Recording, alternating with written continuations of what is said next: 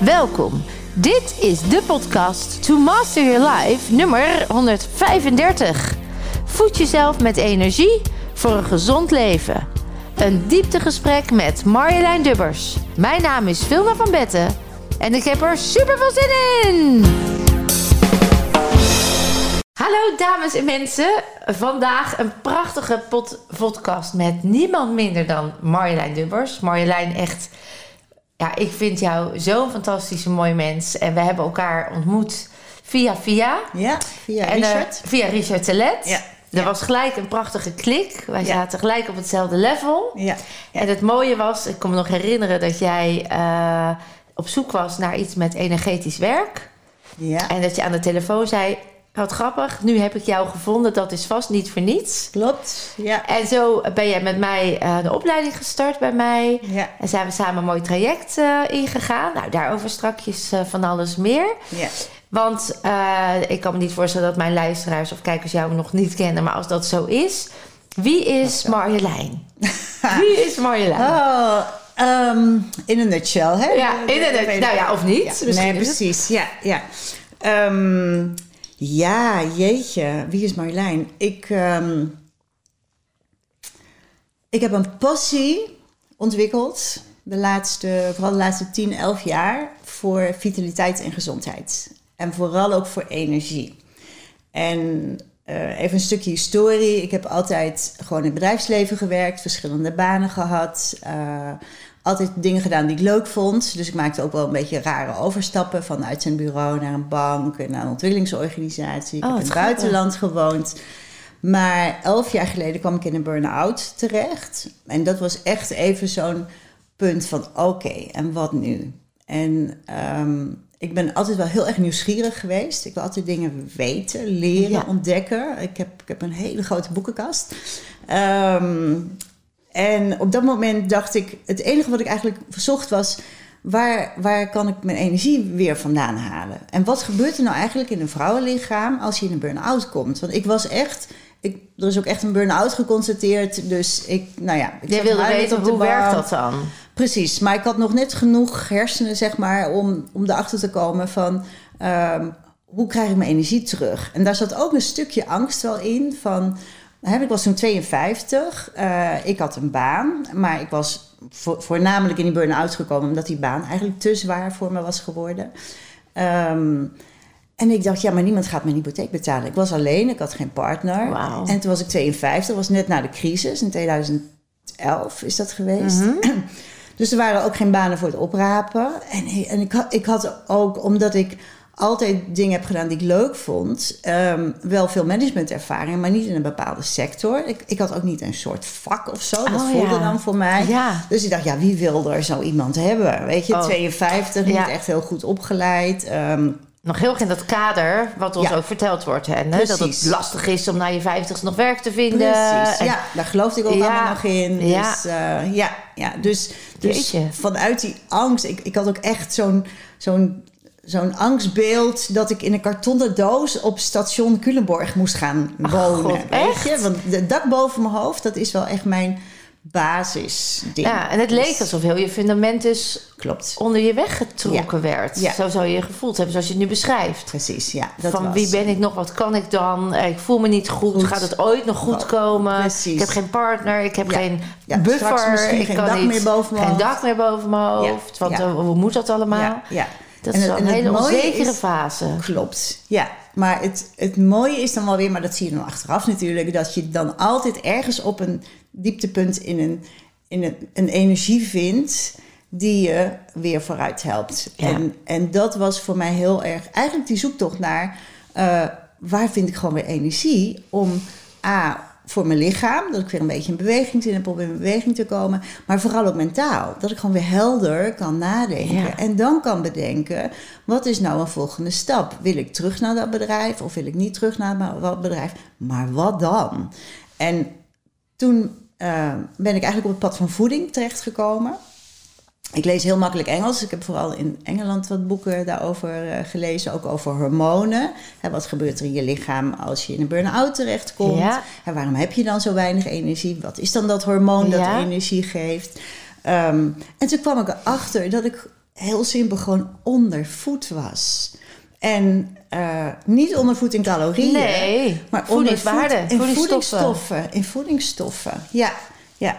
En um, dat is niet iets wat officieel vastgesteld is. Want ik ben wel bij de huisarts geweest die een burn-out constateerde. Maar die zei helemaal niet van zullen maar we dat halen ze ook niet uit je bloed. Nee, nou ja, ze kunnen een tekort aan vitamine C. of D. Maar dan nog, hè, want wat ik bij, weet niet of jij dat ook, je Ja. hebt orthomoleculair ook gedaan. Ja, deels, ja. ja. En wat ik daar heb geleerd is dat je bloed, als het daar al eh, tekort is, is- dan nee. heb je eigenlijk al heel, Heel veel lang. tekorten. Want op celniveau, dat halen ze uit je haar, hè, de haarmonsters. kan ook, ja. Dan ja. daar zit, daar gaat namelijk als allerlaatste je huid en je haar en je Ja. nagels, als allerlaatste je voedingswaarde heen. Dus als het daar echt al heel erg minimaal is, ja. Ja. dan is het eigenlijk heel, dan zit je Ja. dus in ondervoeding. Ja. En dat is veel nauwkeuriger dan wat ze uit je bloed kunnen halen. Is wat mij geleerd is in- bij de orthomoleculaire studie. Hè? Ja, Dus het bloed, ze kunnen het meten, maar waarschijnlijk is het dan nog erger dan het al. Dat is het ook. Dat Ja. is het ook. Ja, precies. Want alle voedingsstoffen gaan natuurlijk naar je vitale organen. Organen. En niet naar je haar. Want Nee. je kan best kaal rondlopen. Precies. Ja, precies. Precies. Ja.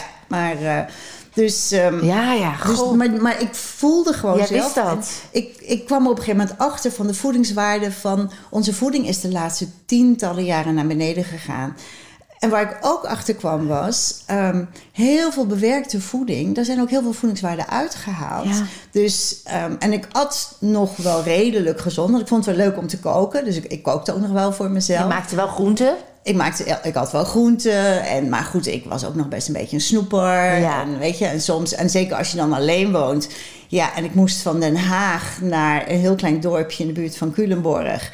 Dat was een reis van bijna twee uur. Ja, en dan kwam ik langs station Den Haag en station Utrecht. Wat lekkers laat. Ja. En dan haalde ik wat lekkers. En dan kwam ik thuis. en dan zit er niemand op je te wachten Nee. met eten. En dan denk je, nou, ik neem nog een appel en een zakje hazelnoten. En dan heb ik wel gegeten vandaag. Dus ik at ook niet Oh. echt heel erg gezond. Maar ik vond het wel leuk om te koken. En ik had vaak wel gasten over de vloer of vrienden die kwamen eten. En, hè, dus, dus, maar ik kwam echt tot de conclusie, ik eet gewoon te weinig gezond. En ik krijg te weinig voedingsstoffen binnen. En wat voor mij ook echt een eye-opener was, was een boek wat ik toen tegenkwam van Joanna Blythman. En dat heet eh, Swallow Me. Dat is in het Nederlands nu vertaald. En dat heet Slik je dat? En dat is een onderzoeksjournaliste. Echt, die heeft eh, allerlei awards gewonnen. Verschillende boeken geschreven over de kwaliteit van onze voeding. En die heeft dus beschreven in dat boek hoe eigenlijk bewerkte voeding samengesteld wordt. En als je dat boek leest, en ik zou iedereen willen aanraden om dat boek te het. lezen. Swallow me. Swallow me of slik je, slik je dat? Slik je met dat? Een vraagteken. Van? Nog Joanna Blythman. Joanna Blythman. Oké. ja. En zij is bijvoorbeeld undercover, eh, want ze kreeg helemaal geen toestemming om daar naartoe te gaan, naar een hele grote beurs in Europa gegaan van ehm, de toeleveranciers van ingrediënten voor de voedingsmiddelenindustrie. En eh, hij, zij zegt ook, wij denken vaak dat een voedingsfabriek dat dat onze thuiskeuken is, maar dan met hele grote pannen en hele grote. Hè, en ze zegt nou niets is minder waar dan dat, want ze liep dus die beurs binnen. Ze is dus eigenlijk, ja, undercover is ze daar binnengekomen. En ze zegt, er was werkelijk niets te eten. Er was niets eh, eh, smaakvol. Er was niets wat lekker rook. En ze zegt, er lopen geen chefs rond. Hè? Ik bedoel, in een restaurant loopt de chef rond. Maar in die, die, de, de, de, de industrie, de toeleveranciers van ingrediënten voor de voedingsmiddelenindustrie... dat zijn allemaal wetenschappers, ingenieurs, techneuten en bedrijven die daar rondlopen. Dat zijn ook bedrijven die de ingrediënten leveren. Niet alleen voor de voedingsmiddelenindustrie, maar ja, je wil het bijna niet weten, maar ook voor de schoonmaakmiddelenindustrie, en voor de Oh. farmaceutische industrie en voor de wasmiddelenindustrie. Ja. Dus heel veel van die ingrediënten, hè, die we allemaal kennen Zoals als een Unilever, want dat denk ik nu gelijk aan. Die hebben natuurlijk ook al die verschillende segmenten. Ja, ja. En, nou, en, dan- en dan eh, zeg jij... En dat waren natuurlijk ook gewoon dan verkopers. Ik denk gelijk ook aan het geldverhaal, het commerciële Ja. verhaal. Ja. Dat moet natuurlijk de markt op. Ja, Op- ja. dus- maar het was niet, ehm Nee, geen niet sales- Unilever zat daar. Nee. Want Unilever is een voedingsmiddelenindustrie, maar het was een, een beurs van de toeleveranciers van de ingrediënten voor Van de ingrediënten. Dus het gaat nog een stapje verder. Precies. Ah, Oké. Precies. En wat, wat je daar dus ziet is dat er, en dat is ook logisch, want uh, zeg maar een Unox-worst van Unilever, Ja. die van Unilever ik Ja, maar als niet. voorbeeld. Ja. Precies, daar zitten heel veel chemische stoffen in. Ja. Want we willen dat het heel lang bewaard kan blijven. En we willen dat het lekker ruikt. En we willen dat het zo goedkoop mogelijk is. Dus als je al die ingrediënten bij elkaar neemt, dan heb je ook heel veel eigenlijk chemische stoffen nodig. Om, eh, om een bepaald product te kunnen maken. Ja. En, en hè, vanaf dat moment, toen ik dat boek gelezen had, dacht ik ook: ja, maar wij eten gewoon knutselvoer. Het Ja. is gewoon een appeltaart. Hè? Als jij hier een appeltaart maakt, dan is die over, als je hem niet in de koelkast bewaart, over een paar dagen is die een beetje bedorven. Ja. Maar er zijn appeltaarten die kun je gewoon zes maanden bewaren. ja. Dus, dus, en dat komt door al die chemische stoffen die erin zitten. En niet En- lichaams-eigen stoffen eigenlijk. Precies, precies. En, en toen kwam ik er ook achter, want toen ben ik ook op, op dat verhaal van onze hormonen gekomen. Ja. Het zijn hormoonverstoorders. Het zijn hormoonverstoorders. Ja. Precies. En vooral vrouwen zijn daar extra gevoelig voor omdat het xeno-oestrogenen zijn. En Ja. dat zijn allemaal, een heleboel van die stoffen zijn gebaseerd op aardolie. Die worden Ja. allemaal bewerkt. En uiteindelijk krijg je dan een smaakstof of een bewaarmiddel of whatever, een glansmiddel of hoe je het ook noemen wil. Ja. Eh, Maar die verstoren onze vrouwelijke hormoonbalans. Want die werken als oestrogenen in ons lichaam. Maar we Ja. hebben natuurlijk veel meer oestrogeenreceptoren. Ja, Dus ontvangers in ons veel. vrouwenlichaam dan mannen. Ja. Dus daar begint de verstoring van het vrouwelijk lichaam. En als je dat boek leest, dan denk je echt... hoe is het mogelijk Ja, dat. dat we dat. nog zoveel gezond rondlopen? Dat er nog zoveel mensen gezond Ja, rondlopen? is het gezond rondlopen of is het... Nou ja, eh 10 miljoen mensen op dit moment, eh 60 procent in Nederland, een van de toch meest welvarende landen van Nederland, heeft een chronische ziekte. Dus is het gezond of worden Nee, we levend gehouden met pillen, met, eh, hè, of lopen we door Precies. terwijl we eigenlijk heel veel pijntjes hebben? Hoeveel Precies. vrouwen komen niet bij ons met klachten als fibromyalgie, eh gewrichtsklachten, migraines, Ja, allemaal gelinkt Ja, aan die kankers. kankers. Ja, Hè? Het is, en, en dan denk ik, ja, of menstruatieklachten.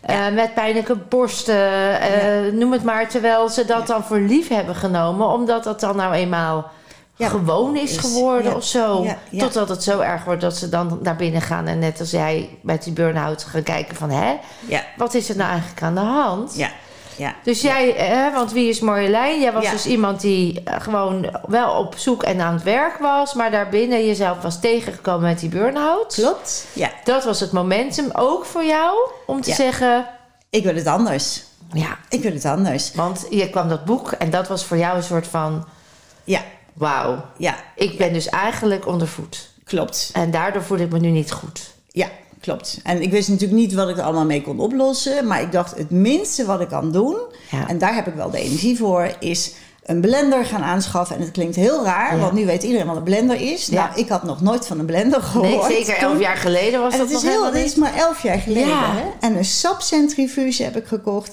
Ik ben zelf sappen gaan maken. Ik heb gezocht in de buurt van Culemborg waar ik biologische groenten kon krijgen. Nou, dat bleek gewoon een stadsboerderij te zijn. In mijn achtertuin, notabene, Nou, waar ik dat kon halen.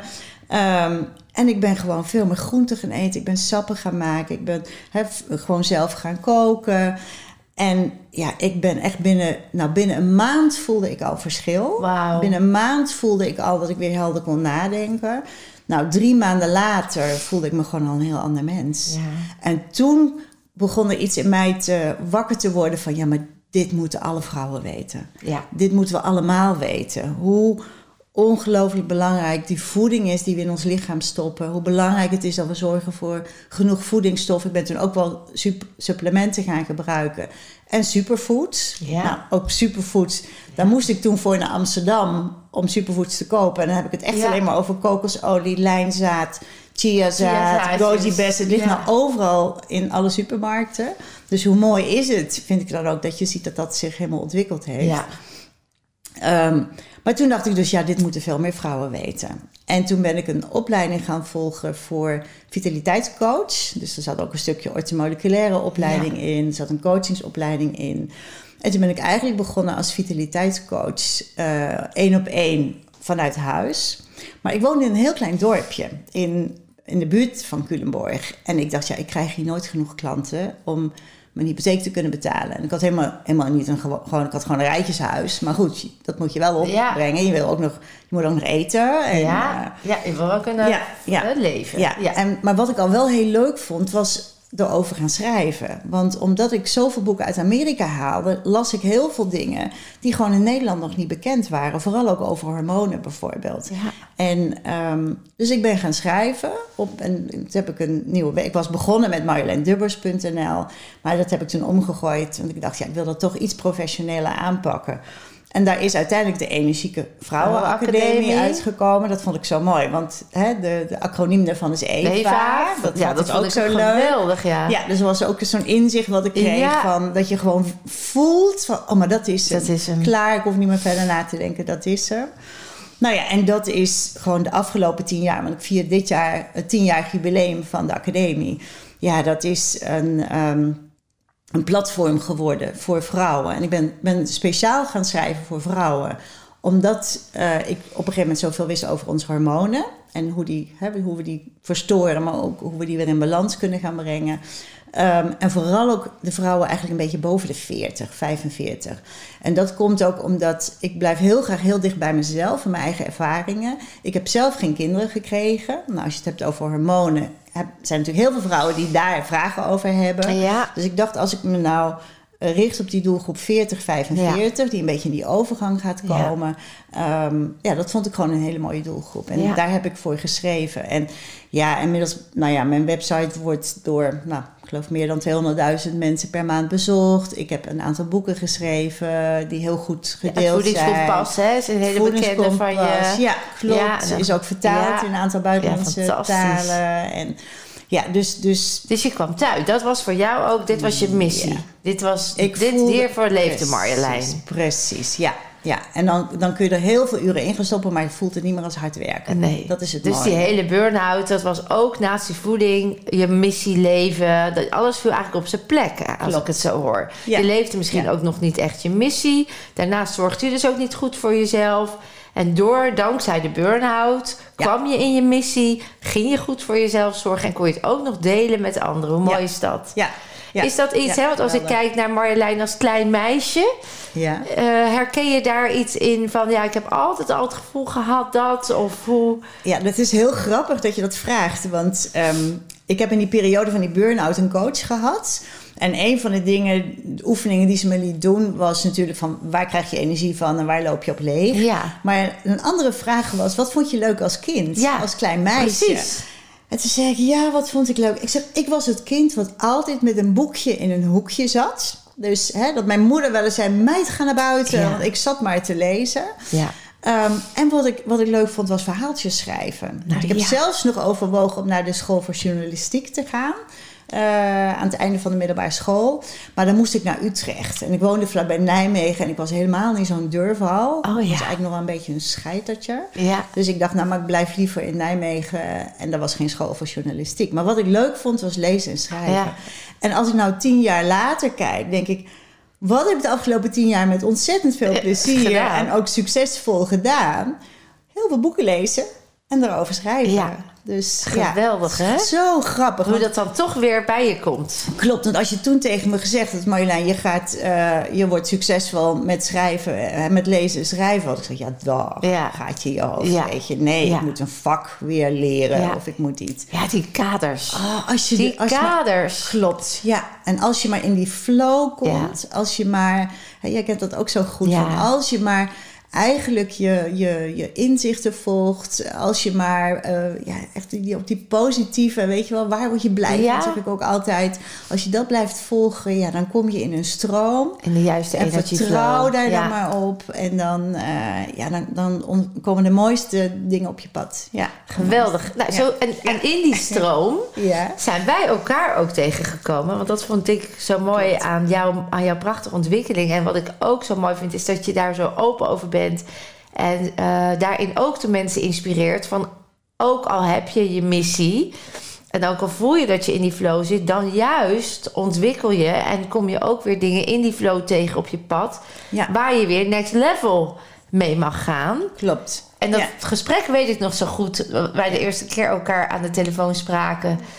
Ehm, in de tijd dat het hele coronabeleid eh, speelde en wij allebei heel sterk voelden dat er ook een andere stroom was die veel meer aandacht mocht krijgen, inhaling Ja. enzovoort. Zo, Ja. hè, op die manier kwamen wij ook met elkaar in aanraking. Tenminste, hebben we het ook over gehad.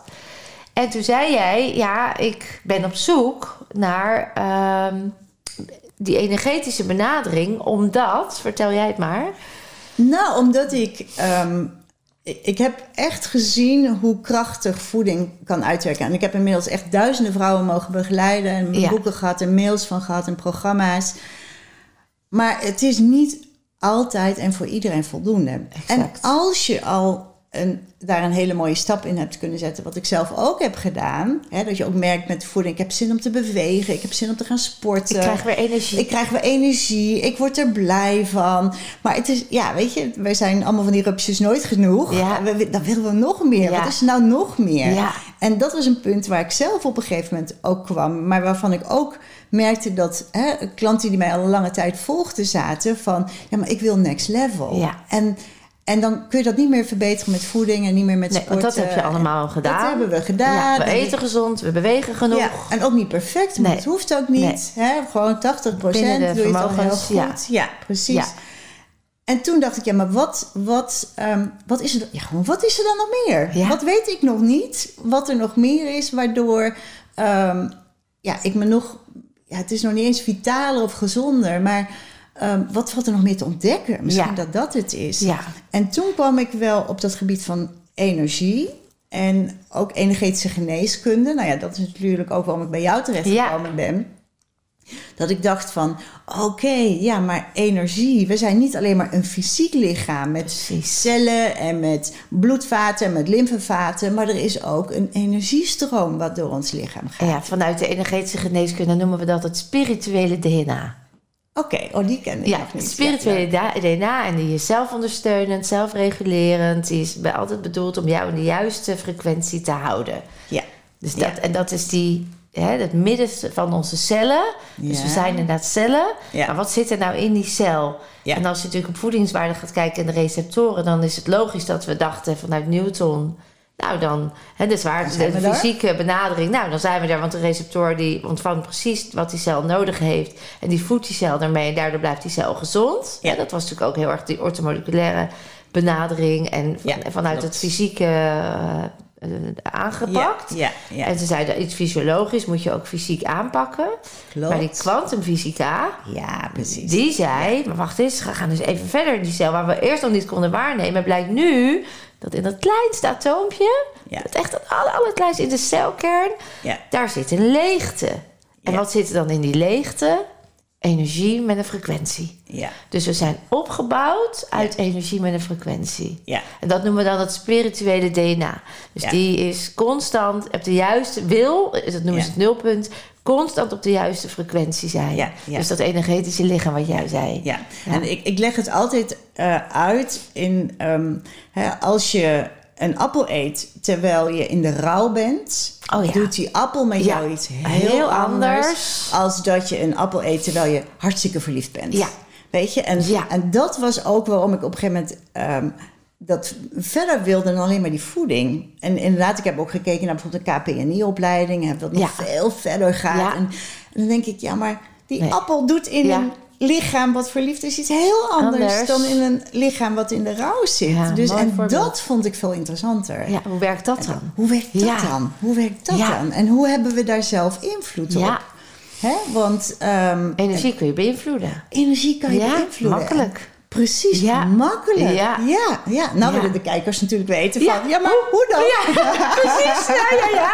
En jij weet dat En ik inmiddels. Ja, want jij hebt... ehm, want daardoor zei je van ja, ik ga dan... Want ik wil daar ook iets mee met mijn community.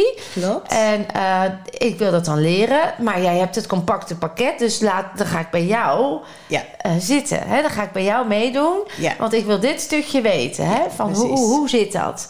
Kunnen we daar een beetje Ja. een tipje van? Want je bent een week mee geweest. Je hebt de Ja. verdieping gedaan. Dus je bent helemaal al in dat Ja. stuk gedoken. Ja, ja, ja. Wat, wat heb je eruit gehaald nu waarvan je zegt... ja, dat zou die missing link voor die vrouwen... die of zich verder willen ontwikkelen... of die niet verder komen... ja. Wat, wat is het? Wat is die missing link? Ja, ja, ik, ik denk dat ehm, wat ik ontdekt heb is dat we zelf veel krachtiger zijn dan wat we denken. Ja. Ehm, en dat het voor een heel groot deel draait om de gedachten die we in ons hoofd hebben zitten. Mhm. Want die gedachten in ons hoofd hebben invloed op onze emoties. Hè, ik denk altijd maar, ik probeer het voorbeeld. Ik hou er heel erg van om dingen in Jip en Janneke taal uit te Ja. leggen. Dus als je midden in de nacht op iets trapt en je denkt dat het een slang is, Ja. gebeurt er heel iets Anders. anders in je lichaam. Ja. Dan krijg je adrenaline en je wordt bang en hè, dan, dan reageert je lichaam heel fysiek. Maar als je je op het moment dat je je realiseert dat het een tuinslang was, Ja. dan komt je hele systeem weer tot rust. Precies. En het is maar net wat je denkt. Is het een slang of is het een, Een tuinslang? tuinslang. Voor een Ehm, ander effect in je lichaam. voor een ander effect in je lichaam. Mhm. En dit is dan een heel simpel voorbeeldje, maar je kunt. ehm, we hebben veel meer invloed op onze gedachten. Eh, en met onze gedachten kunnen we onze emoties beïnvloeden. En die gedachten, en dat vind ik zo mooi. Niemand kan voor jou bepalen wat jij denkt. Nee. En we zitten wel vast in bepaalde patronen. Ja. Jij ziet dat ook altijd zo helder. Van Ja. dat is wat we geleerd hebben. Of onze ouders of artsen of wat dan ook. Ja. Hebben, hè, hebben ons dat geleerd. Maar ieder moment mogen we zelf onze eigen gedachten bepalen. Hmm. En met die gedachten beïnvloeden we onze emoties. En met onze emoties beïnvloed je de energie in je eigen lichaam. Hmm. En ik zeg altijd: ehm, je cellen, al die triljoenen cellen in je lichaam, luisteren continu naar wat er in je hoofd zich afspeelt en welk Hmm. gevoel daarbij hoort. En ja, blije cellen zijn gezonde cellen. Ja. Dus de, de, hè, wat ik nu in mijn eigen community, de Fit for the Future programma heet ik dat, Fit for the Future Community, waar we nu mee bezig zijn, is ook gewoon heel erg kijken van hoe kunnen we er nou voor zorgen dat we eigenlijk altijd een beetje in die hogere emoties En, ja, blijven. hoge energieën zitten. Hogere energieën Want emotie, zitten. het woord is letterlijk energie in beweging. beweging. Dus Precies. een emotie is die energie. En Ja. die voelen we fysiek. En die voeden we met onze gedachten. Ja, en voelen, voelen, Oh, voelen, die sorry. voelen we fysiek en Ja. die voelen we met gedachten. En andersom, hè? het is een loop. Het is altijd een interactie, emotie, gedachte, Klopt. emotie, gedachte. Ja. En als ik eenmaal in een patroon zit waarin ik geleerd heb dat het leven zwaar is, Ja. dan is dat door David Hawkins onder andere onderzocht. Dat de frequentie van die, van die taal, want de Ja. gedachten zijn weer taal. Ja. En elke taal heeft dus ook een energie. Ja. En die frequentie van die taal, van die energie, die bepaalt of het lager is dan het nulpunt, die op Ja. de juiste frequentie is, of hoger. Ja. En in principe zit jouw nulpunt op de frequentie waar jij je goed en gezond voelt. En gelukkig en blij. En als dat dus lager is, Ja. dan ver- vertraagt de trilling.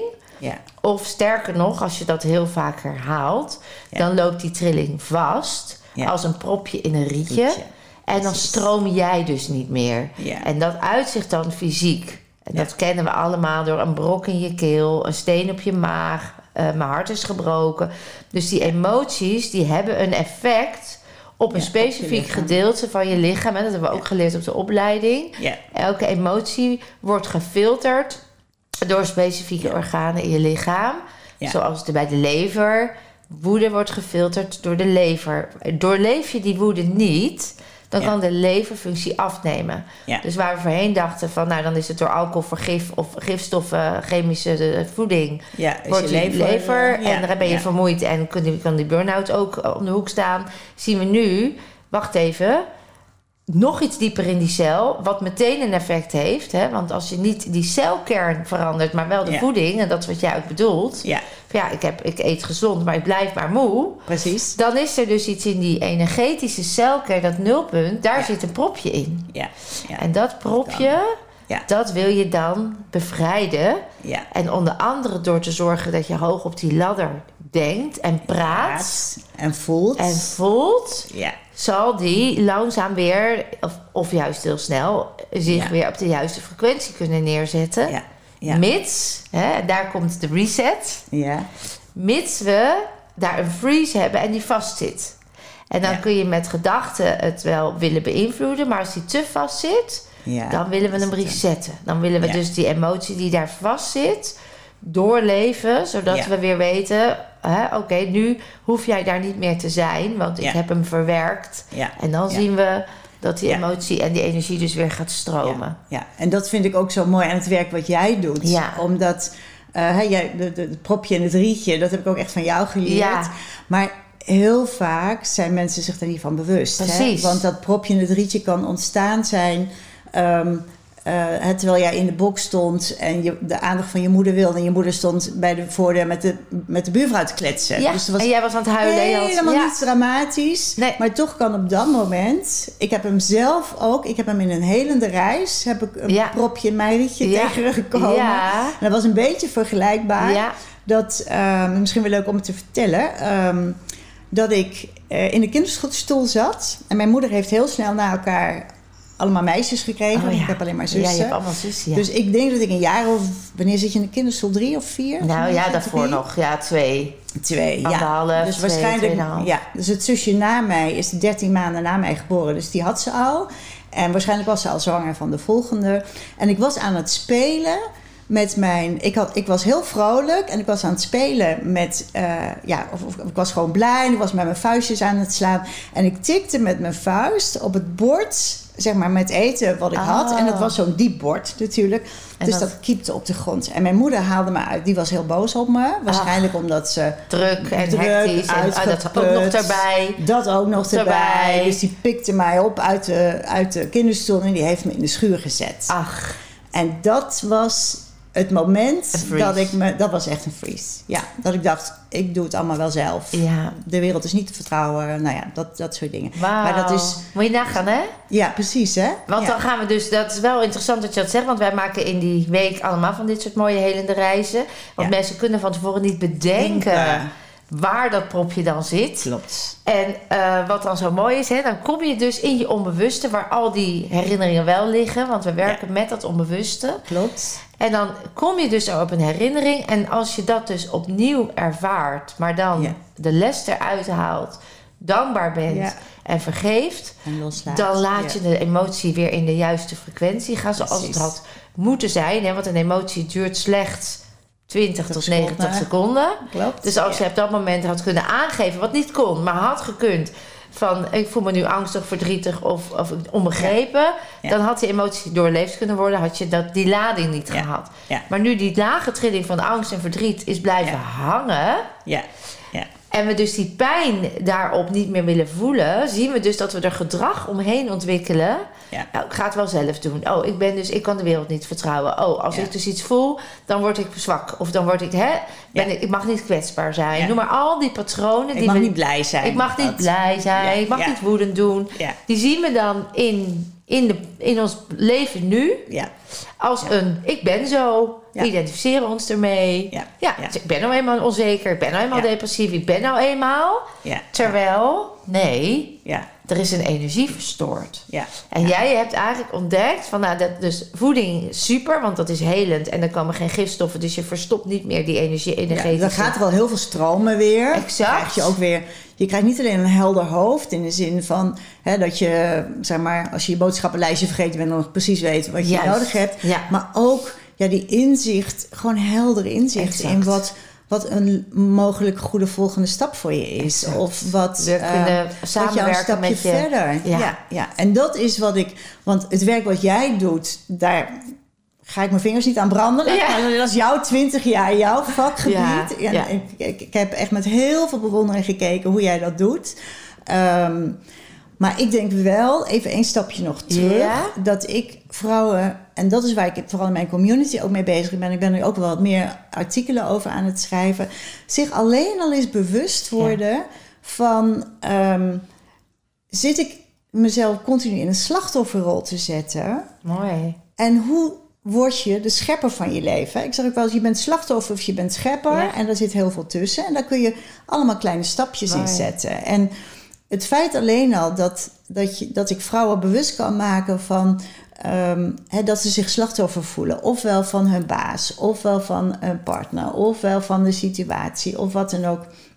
Daar heb je ook taal bij. Hè, ja, van- ja, taal is enorm. Precies, Enorm. van het ligt aan de ander. Of, eh, hè, of ehm, ook zo'n zo'n zo'n punt waar mensen in kunnen blijven hangen... is dat ze dan boos zijn Ja. op alles en iedereen. Ja, hè, dus schuld, door conflict opzoeken. Ja. precies.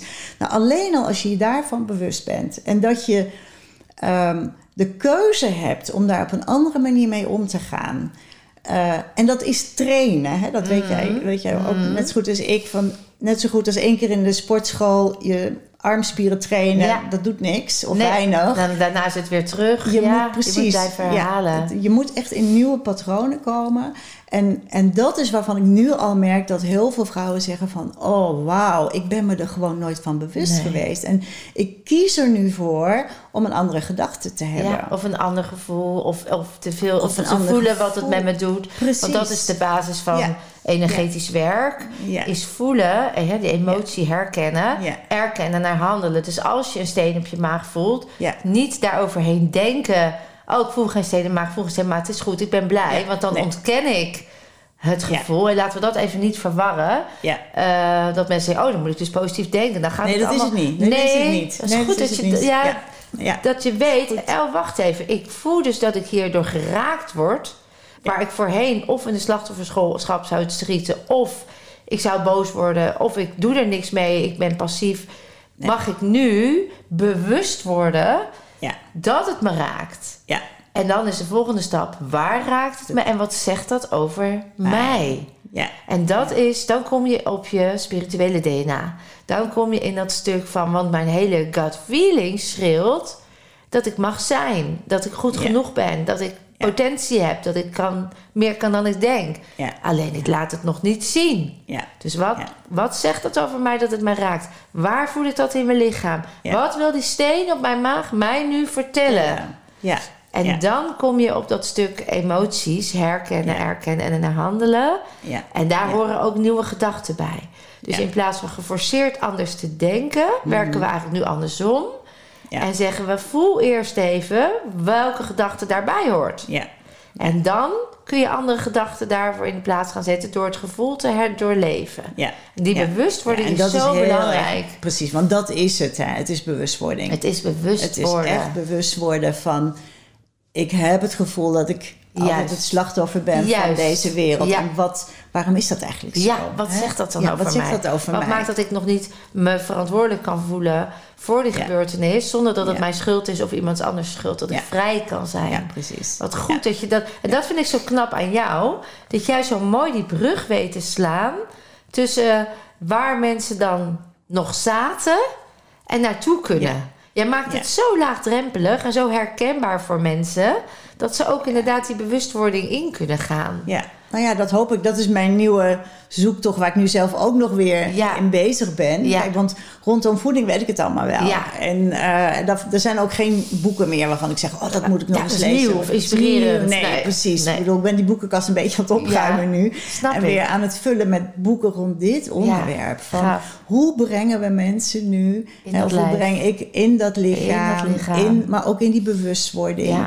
En van ja, zeg maar het slachtofferschap naar het, het, het, het, het weten van dat we ook zelf eigenlijk onze, Ja. onze omgeving creëren. Ja, Hè, nou, het mooie eh, voorbeeld van jou als dat kleine meisje vind ik daar zo treffend in. Want op dat moment dat je moeder jou in de schuur zit, eh, kun je niet de emoties die er werkelijk zijn herkennen, erkennen, handelen. Want je zit gewoon in een freeze. Je bent compleet flabbergasted. Je doet Ja. iets voor je gevoel niet fout, ook niet expres. Nee. Maar toch word je gestraft.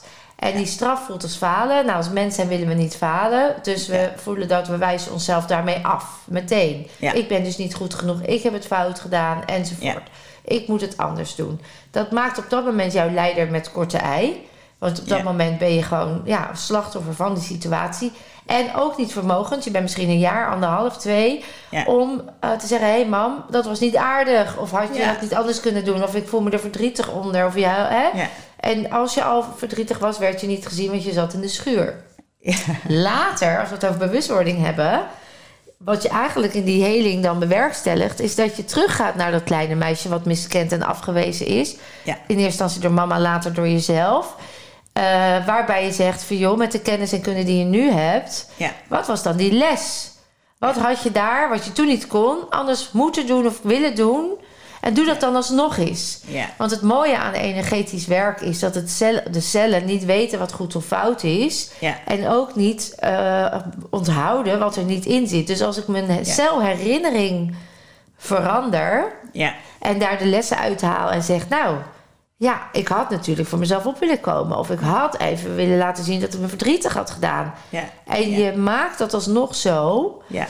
En je vervolgens ben je dankbaar dat je daardoor nu wel die eigenschappen weer mag versterken. En dat dat Ja. wel iets is wat in je zat en weer los en vrij is. Ja. Ja. Je vergeet mama aan jezelf enzovoort. Dat is het hele resetproces. Hè? Dat is echt een heel mooi helend Dat proces. is ook echt zoals het dan gaat. Gaat, hè? Van, want je huilt Ja. en je bent in eerste instantie nog boos op Ja. je moeder. Ik was boos op mijn moeder. Weet Ja. je van, ja, maar ik was alleen maar aan Ja, het hoe kan ze dat spelen. nou doen? En ik was Ja. vrolijk. En hoe kun je me dan uh, hè, straffen? En die schuur is koud. En eh, weet je, dus Ja. je, je gaat echt Weer nog... even in die als- ja, precies. In dat moment. Ja. En dan komen ook die tranen en dan komt die boosheid. En dan, nou ja, dan word je begeleid zoals jij dat Ja. ook deed. Ik deed het dan bij iemand anders al een aantal jaar geleden. Geleden. En inderdaad, dan kom je ook in die vergeving, Ja. wat heel, belangrijk, belangrijk is. is. Van oké, maar Ja. mama was waarschijnlijk uitgeput en Ja. eh, hormonale schommelingen door de zwangerschap, weet ik veel wat. En dan kun je dat ook echt vergeten. En dan is het ook los. is het los. En dan is het weg. Juist. Precies. Ja, En, en het grappige, wat bijzondere is dat ik me er gewoon totaal niet van bewust was. exact. Nou, en dat doe jij Ja. nu. Hè? Jij zegt Ja. nu, ik wil mensen weer bewust maken dat het zo eenvoudig kan zijn als Ja. je jezelf toestaat en gunt. En ook niet bang hoeft te zijn, want dat hoor ik vaak. Ja, maar dan gaat die beerput open. Of dan moet ik terug naar die ellende. En de emotie, en ik blijf het herhalen, duurt slechts 20 tot 90 seconden. En door hem even te doorleven, Ja. Is Ja. die los. En daarna hoef je dat oude gedrag, ben je leider met lange ei. Ja. Of eh, andersom natuurlijk. Ja. Je was leider met lange ei, ik zei ei. het net verkeerd. En nu leider met Korte korte, ei. Want dan kun je weer verantwoordelijkheid nemen over dat stuk wat je toen niet kon. En dan is het celgeheugen gereset. Nou, en die ingrediënten, eh, dat heeft allemaal te maken met werken met energie. Precies. En daarnaast leer je om die meridianen weer op de juist open te zetten. Want dat zijn de snelwegen tussen de organen. Ja. Om de chakra's weer in balans te krijgen. Want dat zijn de trechters tussen de buitenwereld en de binnenwereld. Om je energieveld, je aura heel en gezond en eh, goed afgesloten te houden. Enzovoort. Dus dat energetische stuk, daar heel je door. Ja. En voeding, net als taal, draagt bij aan die heling. Hè? Ja. Want dat is een beetje waar jij op in die ontdekking op uitkwam. Het heeft allemaal een Ja. waanzinnig effect. Ja. Als we niet die kern energetisch helen, zal die cel bevroren kunnen blijven zitten. En kun je dus nog steeds voelen dat je niet vooruit komt of nog niet verder optimaliseert. Ja, ja, en dat is wat ik, zeg maar, de weg die ik ingegaan ben met, met mijn community, Fit for the Future, maar waar ik zelf ook nog echt zoekende Ja. ben. En ik denk ook dat het, um, tenminste, ik merk in ieder geval ook aan de reacties, want zo diep als jij gaat Ja. hè, in dat onderbewustzijn, dat kan ik ook niet online. Nee. Hè? Dus, maar Nee. ik kan wel zeg maar de eerste stapjes daarvan Ja. zetten. Ja. Dus eh, inderdaad ook het, het spoelen van de meridianen. Ja. Ervoor zorgen dat hè, de, de energiegevers bekloppen. Weet je, de het energieopladers. Ja, dat zijn allemaal oefeningen die ik nou in de community doe. Wat en gaaf. Dat, en dat is Krijg je mooie het reacties? Zo leuk. Ik wou net zeggen, het is zo leuk dat... eh, want ze kennen mij natuurlijk ook allemaal van Marjolein heeft over voeding. Ja. Je krijgt recepten en ik heb video's online staan. En nou ben ik die... En het is ook een beetje een uitprobeer tuin voor mij. Ja. Mijn, community is de omgeving waar ik me ja, eh, veel mee laat zien. Waar ik ook veel eh, tijd en energie in stop. Maar er, ik, ik heb echt het gevoel dat vrouwen er klaar voor zijn. Ja, mooi, dat hoor. we willen. Dat ze echt Ja. zoiets hebben. Er is meer dan alleen maar de wereld ja, om ons heen die we zien. Er is meer. Er gebeurt veel in de energie Nou. op dit moment. En ja, hoe gaan we daar onze weg in vinden? Nou, wat ik eh, zo En, mooi vind in dit verhaal, wat jij zegt, de mensen zijn er klaar voor, vrouwen ook mannen. Ja, ja. Eh, dat komt ook omdat de aardse trillingen op dit moment verhogen. verhogen. En Ja. dat voelen wij dus. Alleen omdat we afgeleerd zijn te voelen, wordt het onrustig. En wordt het een soort van, ja, hè, er gebeurt iets, maar ik weet niet wat. En ik weet niet wat ik ermee moet. Ja. En dus zien we ook de mensen die het oude patronen willen vasthouden, die zetten macht in. Of die willen dus nu nog het oude vasthouden. En dat is de oorlog of, of machtsbeleid. Of, dat is allemaal nog oud. En dat, dat, dat mag ook allemaal nog gaan uitdoven. En dat kan nog dat ze nog heel erg lang willen volharden. Ja. Om dat nieuwe, wat al Ja. lichter is en rustiger en vergevensgezinder en gelijkwaardiger, Ja. nog even niet te kunnen of willen zien. Hè? Die blijven nog even, ik zeg maar, in het donker. Ja. Terwijl ondertussen die aardse trillingen die gaan door. Dus die verschuiving die is er. Ja. En heel veel mensen zien het nu en weten het nu en zijn dus ook op zoek naar die uitweg. Ja. Omdat ze wel Ja. voelen dat het daar, dan resoneert het weer. En dan komen ze weer in alignment en in flows. Ja. En dat maar dat zie vind jij. ik ook zo mooi aan deze tijd. Hè? Dat, want we zijn natuurlijk zeker de afgelopen twee jaar met, met corona... zijn we zo in die angst gezet Ja. hè, met elkaar. En Ja. dat voelt voor niemand goed. Nee. Iedereen, of je dat wel of niet goed voelt... je voelt allemaal dat je daar niet blij van wordt. Snap je? En, Ja. en, en dan merk ik ook echt dat er steeds meer vrouwen komen... die daar weg van willen. En hè, ik, ik zeg zelf ook van... ehm, en dat zijn, nou ja, nogmaals, het, het begin waar ik mee bezig ben. Jij bent tien niveaus verder. Maar wees je ervan bewust wat het met je doet als je de krant leest. Of wees je Ja, ervan mooi. bewust wat het met je doet Ja, als je televisie belangrijk. kijkt. Het journaal. Ik heb, het journaal. Ik heb al twintig jaar geen televisie meer. Ik ben in 2002 naar Kenia verhuisd voor een paar jaar. Toen heb ik mijn televisie weggedaan. En toen ik terugkwam, kwam, ik vond het zo'n onzin wat er allemaal was. En zo nep. En zo... eh het past. Ook dat al. Maar ook... ehm, Heftig nieuws, hè? Ja. een beetje, een beetje massapsychose. Ook als Ja. je de reclames zag, weet je wel, van vrouwen. Van, oh, als je haar maar goed zit, dan Ja. word je gelukkig. Nou, als je drie jaar in de rimboe... Ik heb echt in de rimboe in Kenia gezeten. In de diepste armoede. Dan, dat contrast is zo groot. Ja. Dan, dan prik je er doorheen. Ja. Dan denk je, wat een neppigheid. Ja. En, dus ik heb al twintig jaar geen televisie meer. En ik lees ook geen En dat laten we dat ook helder. Dus dat is geen ontkenning.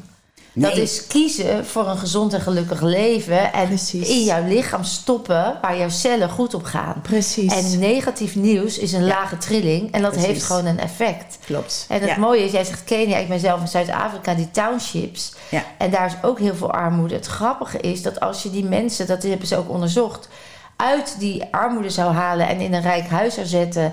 En ze daar zou zeggen, nou je hebt alles wat je hartje begeert. Ja. Maakt ze niet gelukkiger. Gelukkig. Sterker nog, ze zullen het huis niet eh, zo eh, nodig hebben op die manier. Ja. Omdat zij met elkaar, juist in het hebben van niets, nog het geluk vinden. En dan zeggen heel veel mensen, ja, maar geld maakt het makkelijker. Ja, in een wereld waar het om geld draait. Maar het zegt dus niets over geluk. Ja. En dat Ja. vind ik wel mooi, dat je die even daarbij legt. Van jongens, als we... Ik heb heel veel miljonairs mogen begeleiden en nog steeds. Die zeggen, ja, ik heb alles wat ik hebben wil. Mhm. Alleen ik voel me super kut. Ja. En dan denk ik, ja, dat komt omdat het andersom heeft gewerkt. Je mag vanuit geluk, is er overvloed en stroomt het in alignment en is Ja. overvloed voor iedereen. Ja. Ja. Als je vanuit wilskracht en be- eh, bewijsdrang gaat hebben, dan identificeer je je met die hebzucht, dan identificeer je met presteren, dan identificeer je je met alles is van mij, Mhm. omdat je niemand meer bent. Ja, maar dat is, Dat is zo, vind ik zo mooi de weg van. En ook de, de, de, wereld waar we nou in zitten. Hè? Ja. We zijn altijd zo ge- ge- gericht geweest op die buitenwereld. Exact. En als je naar binnen keert, Juist. hè, dat, want daar zit het geluk. Ja.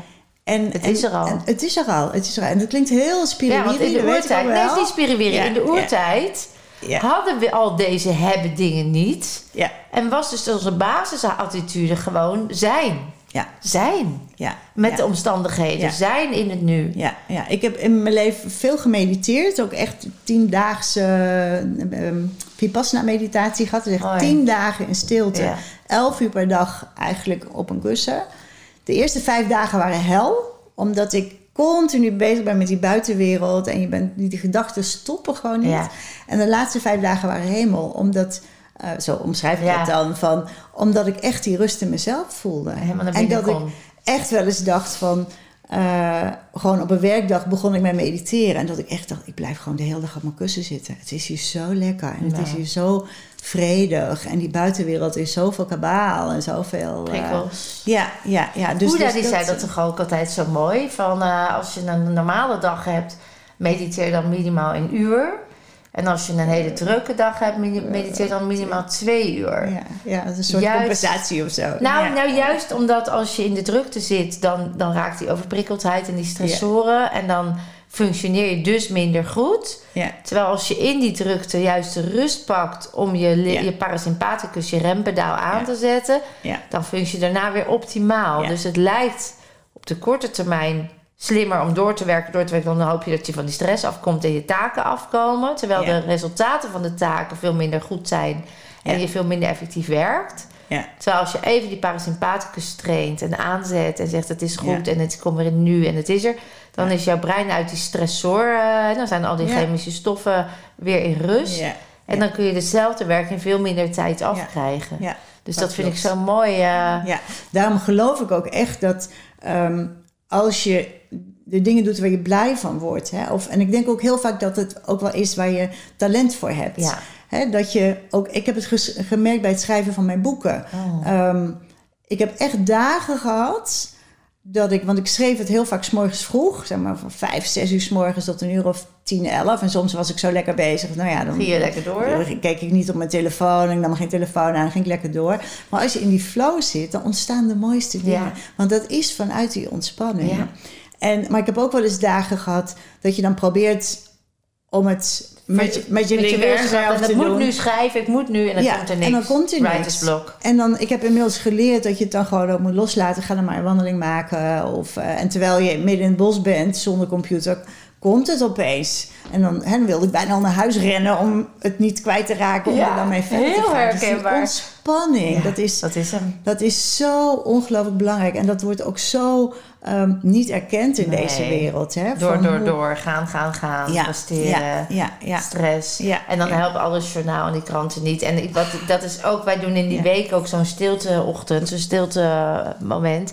ja. Ja, als je natuurlijk altijd getraind bent om te gaan, dan is zo'n stiltemoment een doorbreken van een patroon wat je nooit hebt gedaan. Dus dat kan in het begin onwennig voelen. Je kan er judge doubt en fear op krijgen. Dat je nou, ik vind het maar niks, het is niks voor mij, dat werkt voor mij niet. Maar dat is het oude lichaam, of het lichaam wil, wat nog wil, wat je doet, wat je altijd hebt gedaan. Want daar ben je aan verslaafd geraakt. ja. Dat is je automatisme. Terwijl als je dat eens wat vaker gaat doen. Ja. En begin bij wijze van spreken met vijf minuten per dag. Om te ervaren wat het is. En vervolgens tien minuten. En je gaat het eens opbouwen. Ja. Dan wordt dat een nieuwe gewoonte die veel gezonder is. Ja. Dus dat vind ik Ja. echt eh, stilte. Stilte. Kom, ga voelen. ja, ja. Ja, ik, mooi. Ik heb nog heel veel, veel prachtige vragen. Ik wil eigenlijk naar de volgende categorie. En dat is veelzijdig. Oké, En eh, daarin geef ik je gewoon wat keuzes. oké. En je mag eh één van de twee kiezen. Ja. Ook als je voelt dat je niet kan kiezen. Dan, en dan kunnen we er later nog even Oké. op terugkomen. Ja. Ja, is goed. Nou, daar gaan we. Puur natuur of natuurlijk? Ehm, natuurlijk. Voeding of energie? Ha, energie. Regulier of al- eh, alternatief? Of complementair, misschien is dat een mooi woord.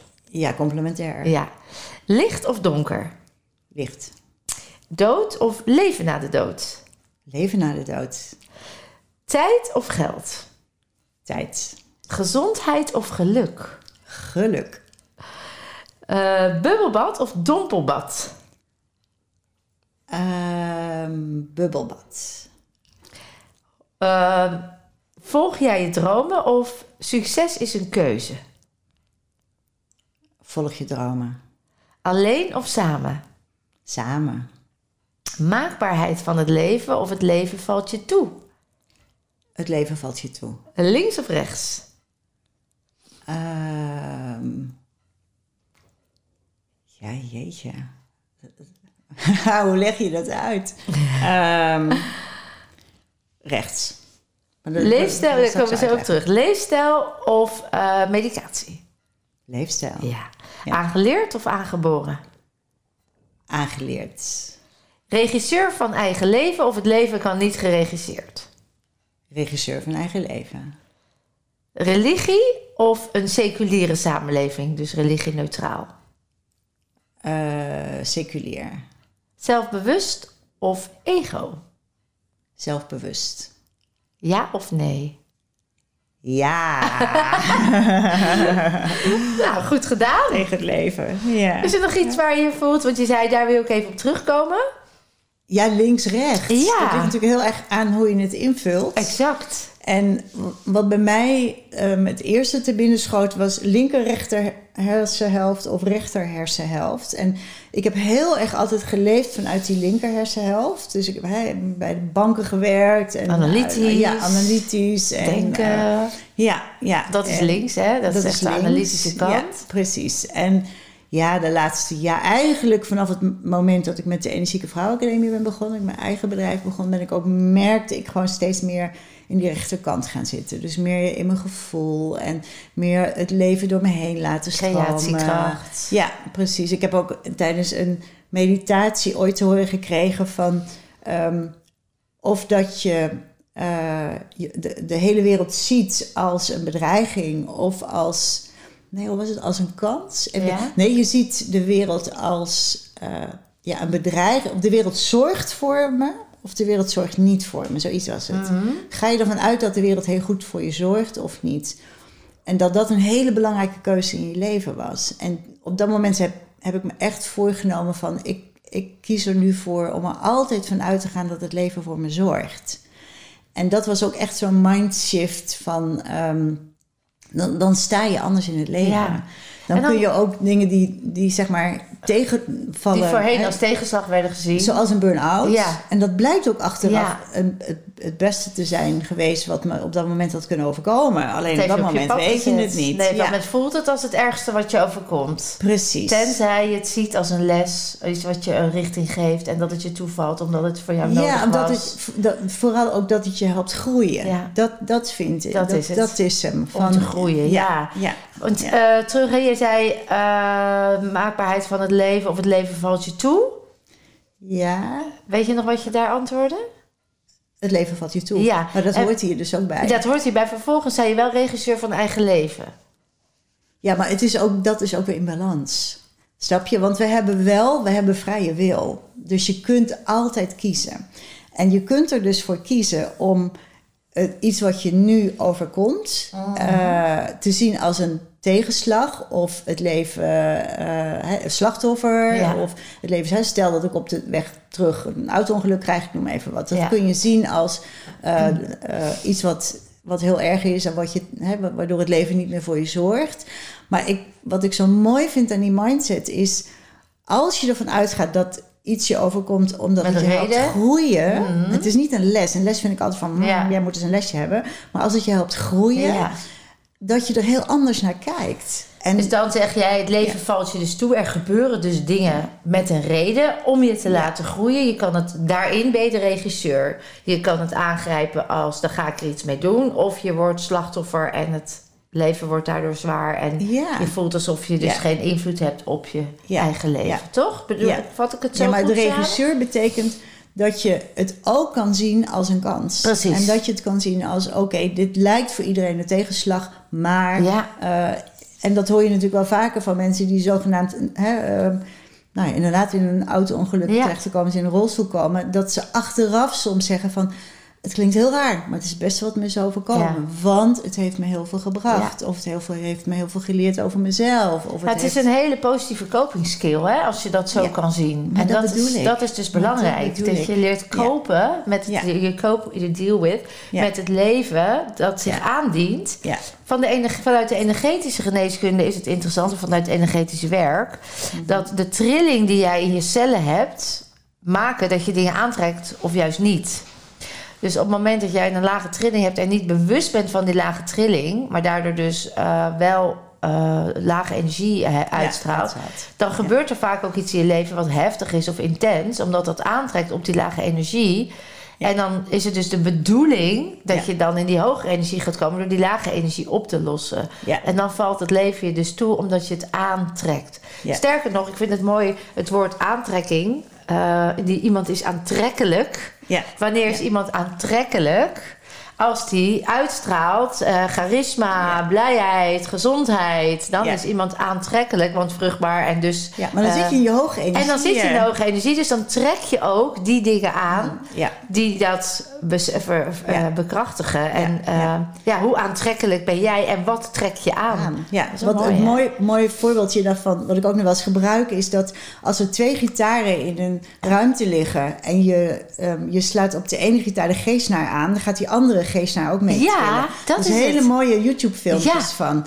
En, en dat, is, dat vind ik ook altijd maar weer zo beeldend. Van, Goed voorbeeld. Jij hebt je, slaat je A-snaar of je D-snaar of je G-snaar. Welke snaar hè, ben je zelf aan het uitzenden? straal je eigenlijk? uit. En straal je uit. En dat krijg je terug Ja, want de je- ander- wat, en ja. dat kunnen dingen zijn, dat kunnen mensen zijn, dat kunnen Ja. whatever zijn. Het resoneert. En dat vind ik zo Ja, een goed fascinerend. voorbeeld. Dit vind ik zo Leuk, hè? fascinerend. Dat we, we zijn allemaal energie, hè? En we zijn ook allemaal met elkaar verbonden. En ehm, het, het hele mooie voorbeeld, ik wil het wel eens eventjes laten zien, is van Bentinho Massaro. Dat is een van mijn leraren. Die zei van... Ik ben nog in de, van de, de generatie poppenkast. Ja. Kijk, dit ben jij, hè? Ja? En dit ben ik, hè? Ik heb Ja. een beetje rood. Ja. En wij zijn heel verschillend, hè? We kunnen met elkaar praten. Ja, voor de luisteraars, je doet twee vingers in de lucht. ik doe twee vingers in de Even als je lucht. het niet ziet, hè, twee vingers in de lucht. Met, om de, de sjaal zit om beide vingers. Eén heeft een Ja. zwart-wit gestreept deel en de andere oranje-zwart Ja. gestreept. Die Maar- staan tegenover elkaar. Maar kijk eens. De, de een ben ik en de ander ben jij. We zijn met elkaar verbonden. hè?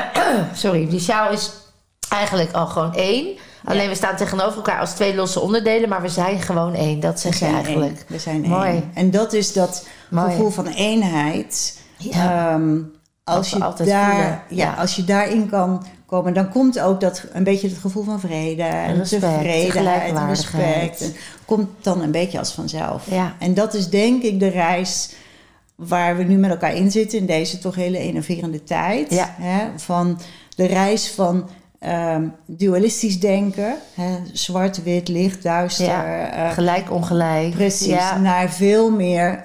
We zijn eigenlijk allemaal En hetzelfde doel bezig. precies. Ja. En we zijn ook allemaal met elkaar verbonden, energetisch gezien. Ja, en dat zeker. Is, We zijn één. ja, precies. Morfologische velden, hè, kunnen we er e- e- heel lang over praten, maar het, is heel Ja. mooi. Nog even een volgende categorie. ja. Dr. Phil. Oh ja, Dr. Phil. Hè, je Ja. hebt al gezegd, nou, je bent al helemaal daarmee bezig. Eh, dus als ik jou nu eh, zou mogen resetten. Hè, Ja. Je zegt, nou, er is bij mij, als ik nou bewust word van een stuk... wat is dan op dit moment iets waarvan je zegt... nou, daar, daar ervaar ik nog uitdagingen. Of daar heb ik nog last van. Of dat, daar loop ik nog vast. Is er iets bij jou waar je voelt van... nou, daar heb ik nog wel wat... daar zou ik nog wel eens in bewust, van bewust willen worden... wat dat patroon in mijn onbewuste dan is. Ehm, Zijn er situaties waarin je dat ervaart? ik heb al heel veel dingen opgelost, Ja. denk ik. dat is ook het mooie van ouder worden. Ja, maar ook je van je proces. Je bent heel, Precies, heel zelfbewust. Je bent er al, eigenlijk altijd mee bezig. Ja, Je bent- veel. ja. Nou, misschien daar zit wel iets, denk ik. Ehm, ik, ehm, ik heb wel, ik, ik zou wel eens wat, ehm, en ik heb er wel een weg in gevonden. En blablabla, even kijken, hoe ga ik het zeggen? Ik ben wel een hele harde werker. En dat zou ik wel eens wat meer los willen laten. Maar ik weet welk patroon daaronder zit. Dat is ook deels door mijn ouders meegegeven. Ja. Eh, er waren ook alle twee hele harde werkers. Ehm, en ik kan me ook nog heel goed herinneren, ik denk een jaar of twee, drie geleden. Dat, nou ja, weet je, ik vond dat er nog een boek moest komen. En ik wilde nog dit en een community en dat. En, en ondertussen maakte ik dus gewoon heel veel uren. Ehm, en toen op een gegeven moment voelde ik mijn vader op mijn schouder zitten. Want dat was mijn vader die altijd zei van... eh, eh, niet lullen maar poetsen, voor niks gaat de zon op. Hè, noem het maar op. Ja. En dat ik me opeens realiseerde van... Ja, maar pap, ik ben 60. En op jouw 60ste was jij al met pensioen. Ja. Want hij is met zijn 57 met pensioen gegaan. En dat ik dacht, hmm, het wordt toch eens tijd dat ik wat Papa. meer af... Pap, Ja.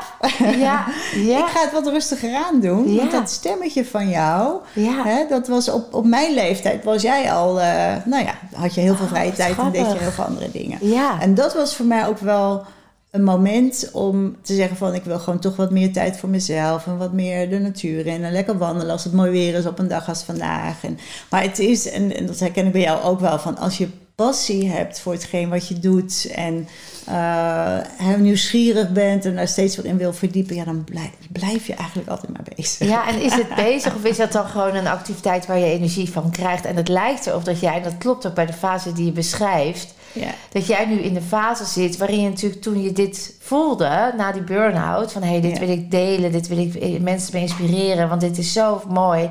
Dat Ja. dat echt het vuur in jou aanwakkerde en dat ook niet voelde als werken, omdat dat Nee. echt je missieleven is. En nu je die missie hebt uitgedragen, kom je, en, en mensen, zoveel mensen al bereikt hebt, kom je in een fase van oké, what's next? Niet als minder hard werken, maar is het nog nodig dat ik al diezelfde energie die ik daarvoor nodig had, nog gebruik daarvoor? Of loopt dat nu wel en mag ik die energie ergens anders voor gaan inzetten? Dus ik voel daar dat je daarin zit, in die fase van die missie, die is, die is uitgedragen. Dus wat ga ik nu met die energie doen? Ja. Wil ik dat nog op dezelfde manier doen? Ja. Gaat dat nog Ja. dezelfde passie voelen? Of is het nu iets anders waar ik nog weer... En dat kan zijn wandelen in de natuur... waar ik nu mijn passie in neerleg.